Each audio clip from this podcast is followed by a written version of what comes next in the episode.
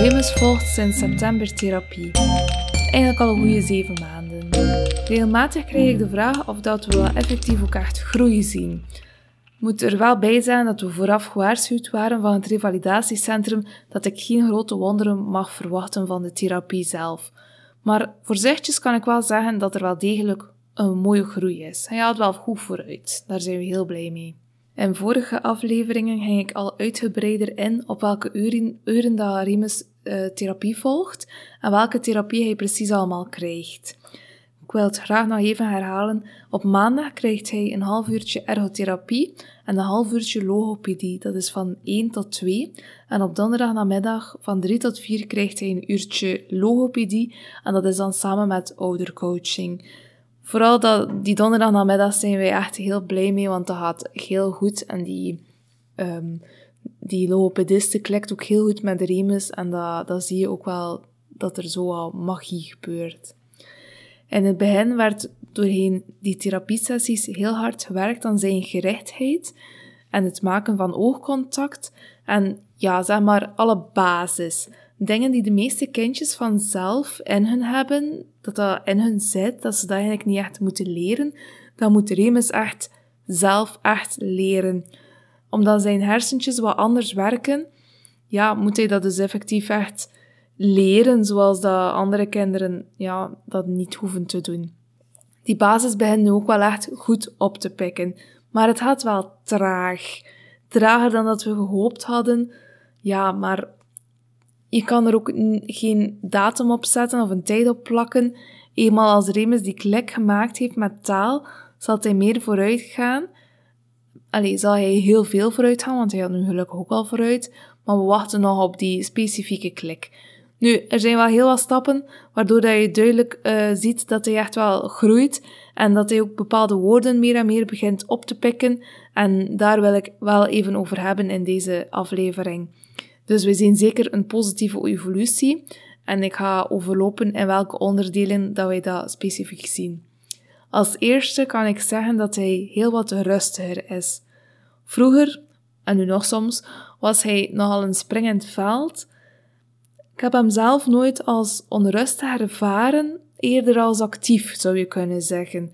Soms kreeg ik wel eens de feedback dat hij nogal onrustig is, maar als je daarover nadenkt of als je dat ontleedt, dan komt het eigenlijk meestal op neer dat hij vooral heel erg actief is. Soms is dat ook wel zo, zeker als hij heel enthousiast is, dan kan hij wel heel actief zijn. Maar dat is echt al eigenlijk meer de minderheid. Hij kan ook veel langer stilzitten en hij weet nu ook dat dat effectief verwacht wordt van hem. Ook dat was wel echt een leerproces. Eten op zijn stoel ging vroeger moeilijk, ook in de crèche was hij nog steeds vast, vastgeklikt in zijn stoel. Op school was dat in het begin ook wel een uitdaging. Hij snapte gewoon niet dat hij echt moest stilzitten. Maar nu lukt dat wel al goed, omdat we echt die structuren aanbieden van dit wordt nu verwacht van jou, het is nu de bedoeling dat jij stil zit, dan doet hij dat wel meer en meer. Soms als het zo chaotisch is in de klas of zo, of als er dingen gebeuren dat hij niet verwacht, dan neemt de juf hem wel nog bij haar ook hier om te eten zit hij eigenlijk meestal stil. En als hij jonger heeft, gaat hij spontaan op zijn stoeltje zitten. Dus dat zijn echt wel heel goede gewoontes, rustige gewoontes, dat hij gecreëerd heeft. Als tweede zou ik kunnen zeggen dat hij een veel langere focus heeft. Vroeger ging hij echt meer fladderen, zo van het ene naar het andere. Dat was thuis zo, maar ook tijdens therapiesessies in school. Hij kon nog geen vijf minuten met hetzelfde bezig zijn. Ik denk dat dat ook is omdat, dat, omdat er zoveel nieuwe dingen zijn in één ruimte dat hij niet kent, dat hij dat precies allemaal een keer wil beheersen of controleren, waardoor dat hij dus echt wel heel veel fladdert. Hoe meer dat hij een ruimte kent, hoe veel, hoe meer rustig dat hij is en ook hoe langer zijn focus is. Soms zit hij ook echt in hyperfocus, bijvoorbeeld als hij knipt, hij doet dat super graag, en dan is hij zo echt helemaal zoned out, kan hem niet meer, uh, niet meer storen. Als hij zijn naam roept, gaat hij het ook niet horen. Hij volgt ook meer en meer opdrachtjes. Soms moet je die opdrachten wel op een andere manier introduceren dan dat je zou doen met andere kindjes die wel de taal machtig zijn, maar als je het goed kan aantonen, dan is zijn taakgerichtheid eigenlijk wel echt goed, goed hoor. Dus daar zijn we ook wel heel blij mee. Over knippen gesproken, ik merk wel dat hij ook wel meer en meer vaardigheden onder de knie heeft. Dus knippen, kleuren, tekenen, puzzelen. En ik vind ook dat hij daar echt wel heel in gegroeid is door therapie, door zijn ergotherapeut, ook al door de logopedisten die die opdrachtjes combineert. Ze zetten daar heel sterk op in, waardoor dat hij eigenlijk nu echt zo goed als mee is met zijn leeftijd. En dat is wel echt leuk om te horen dat hij mee is met zijn leeftijd ergens. Want je hoort steeds, ja, hij heeft een ontwikkelingsachterstand. Ja, zijn taal is ongeveer op 12 maanden gehad. En dat is natuurlijk niet leuk, hè. Dus als je eens hoort dat hij mee is, dan is dat echt wel fijn om te horen. Hij blijft ook therapie volgen, ook ergotherapie, juist om die kloof zoveel mogelijk dicht te houden. En ook dat vind ik wel belangrijk, want hij doet het graag, hij kan het goed en ik wil dat dat ook wel echt zo blijft. Hij maakt ook veel meer geluidjes. Er komt tegenwoordig zelfs een soort van nee, nee, nee, nee, nee uit de remus, waarmee hij echt wel nee bedoelt. Dus dat is ook wel echt al een grote vooruitgang. Toen dat we starten met therapie, dus dat was in september, waren zijn klanken heel beperkt, maar nu zijn er dat toch echt wel al een pak meer. Ik heb hem ooit laten vertellen dat als ze geluid maken, dat ze in staat zullen zijn om ooit effectief te praten. En tot op de dag van vandaag is dat zo'n beetje mijn stokpaardje. Ik hoop dat dat echt is. Ik weet niet of dat, dat echt waar is. Dus uh, ik weet ook niet of dat, dat wetenschappelijk onderbouwd is. Maar voor mij helpt het wel om hoop te krijgen. Ze zeggen toch wel dat het ooit zal komen bij Remus. Dus ja, ook al gaat het traag, dat is toch waar ik mij meer, allee, ik vooral aan vasthoud. Hij begrijpt ook wel meer. Het is nog steeds wel beperkt, maar toch meer en meer. Vooral in context kan hij heel veel linken aan de dagdagelijkse structuren. Hij luistert ook al heel veel meer naar zijn naam. Dus is wel vooruitgang. Bijvoorbeeld zijn jas kan hij echt wel begrijpen, maar dan vooral echt ook wel in context. Hij gaat ook meer en meer zelf signaleren. Hij begint ook te wijzen, wat dat hij vroeger niet deed. Vroeger ging hij zo mijn hand pakken als hij iets nodig had. Hij ging jou begeleiden. En nu is dat echt reiken. Hij reikt zijn hand naar wat hij wil. En zo af en toe begint hij nu ook effectief te wijzen. Dus dat is echt wel een grote stap vooruit. Klinkt wel heel banaal, maar dat is, ook wel, dat is echt wel waar. Wat hij bijvoorbeeld nu ook begint te doen, is de broodzak alvast nemen als hij honger heeft. Dat deed hij vroeger ook niet. Ik weet niet of dat die hongersignaal nu pas um, gekomen is of niet. Maar hij durft precies wel meer initiatief nemen en meer zeggen wat hij zelf wil. Allee, zeggen niet, maar tonen. Um, het is wel echt leuk om te zien. Um, ah, misschien nog een leuk voorbeeldje. Onlangs was ik aan het fietsen met hem en hij zit dan in de fietsstoel achterop. En op een gegeven moment begon hij in mij rug te porren. En dat doet hij normaal nooit. Ik heb dat nog nooit meegemaakt, toch? Dus ik denk van, oei, er is hier iets aan de hand zeker. Waarom zou hij anders beginnen porren? Want dat bleef ook echt maar duren. En ik stopte en ik keek naar hem en hij had zo in zijn hand het fietsslot. Dus dat eigenlijk vastgeklikt moet zijn om hem te beschermen. Dat was niet vastgeklikt. Ik had dat waarschijnlijk niet heel goed dicht gedaan.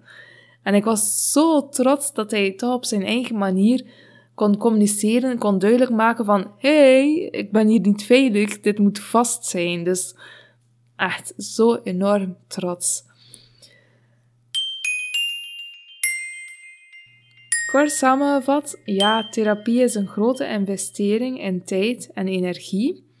Het is tegelijk ook wel echt een grote meerwaarde waarin we Remus effectief zien groeien en bloeien. Moet ook zeggen dat ik door het revalidatiecentrum ook tegelijk sterker, sterk, sterker sta in mijn schoenen rond school en andere zaken. Ik weet wat ik mag verwachten. Ik weet wat belangrijk is. En ook al is die taal er nu nog niet, ik weet dat het komt en dat dat eigenlijk ook niet een reden mag zijn om Remus ja, naar een buitengewoon onderwijs te sturen of, of juist niet. Of, of ja, die taal is, vinden we als maatschappij heel belangrijk. Ik ook trouwens. Maar dat mag geen um, valkuil zijn om, of, of een, um, een drempel zijn om Remus niet toe te laten bij dingen. En ik merk dat ook wel bij mezelf, dat ik dat meer en meer mag loslaten, effectief. Ook die oudercoaching helpt mij ook met heel veel vragen. Dus dat is ook echt een specialiste die, ik denk dat ze al 30 jaar of zo daar werkt. En die weet superveel. Die heeft niet alleen de kennis, maar ook zo echt die voeling met die doelgroep kinderen met autisme. En dat is zo waardevol. En als zij dan een complimentje geeft aan Remus, of zegt dat hij echt vooruit gaat, dan voel ik mij ook echt gloeien als van trots. Als zorgmama ben je onzeker, want je weet niet goed wat je kan verwachten, wat je mag verwachten. Maar ik vind dat die oudercoaching daar echt goed bij helpt. Het helpt mij ook echt om mijn vragen ergens naar kwijt te kunnen. Want dat is niet altijd. Ik heb wel andere zorgmama's, maar elk kind is anders. En zorgmama's zijn geen specialisten. Ik ook niet trouwens. Ik, ik weet enkel maar, ik zie wat Remus uh, is en ik zoek wel veel op, maar dat maakt mij geen specialist. Dus dat is wel echt fijn als je zo'n ankerpunt hebt. Ook die therapie heeft ons voldoende handvaten om alles goed door te trekken naar thuis, zodat je Remus ook heel veel leermomentjes krijgt, zowel thuis als op school. Het is ook heel leuk dat therapie, of het revalidatiecentrum tenminste, nauw contact heeft met school. We hebben uh, onlangs samengezeten, uh, ik denk dat dat maart was of zo, begin maart. En nu in mei gaan we opnieuw samenzitten. Dus dat is ook wel echt heel fijn dat er zo'n nauwe samenwerking is. En meer nog, uh, de juf luistert ook naar de tips van het revalidatiecentrum en ze heeft zelfs een één op één momentje met Remus elke donderdag. Dat is ook wat oefeningetjes probeert te doen met hem. Daar ben ik super dankbaar voor. Nu, mocht Remus de overstap maken naar het buitengewoon onderwijs, dan weet ik niet zo heel goed of dat um, hij voldoende logopedie zou hebben op school zelf. Normaal bieden ze dat wel aan, zowel individueel als in groep, maar ik hoor toch hier en daar dat die individuele lessen vaak ja, niet lukken of tijds, door tijdsgebrek toch in de groep moeten gebeuren, waardoor dat er toch wel een tekort is aan. En dat is eigenlijk waar dat we nu wel heel hard moeten op inzetten met de Remus. En daarom ben ik bang dat een buitengewoon onderwijs momenteel niet tegemoet zou komen bij Remus zijn noden. Nu, in september kan dat alweer een ander verhaal zijn, dus dat zien we wel. Maar momenteel is het echt wel beter mocht hij de huidige piste kunnen aanhouden en dus effectief ja, naar, um, naar de reguliere school blijven gaan en dus ook de therapieën in het revalidatiecentrum kunnen blijven doen, wat dat hij nu dus eigenlijk aan het doen is. Nu, ik ben er ook zeker voor dat het buitengewoon onderwijs ook wel een positief effect heeft op de kindjes.